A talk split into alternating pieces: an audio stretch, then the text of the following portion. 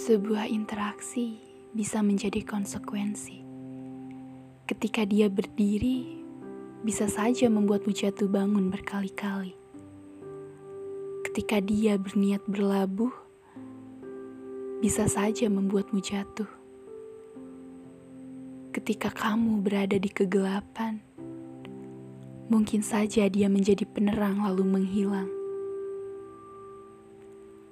Apakah ia datang karena penasaran, atau memang ada perasaan?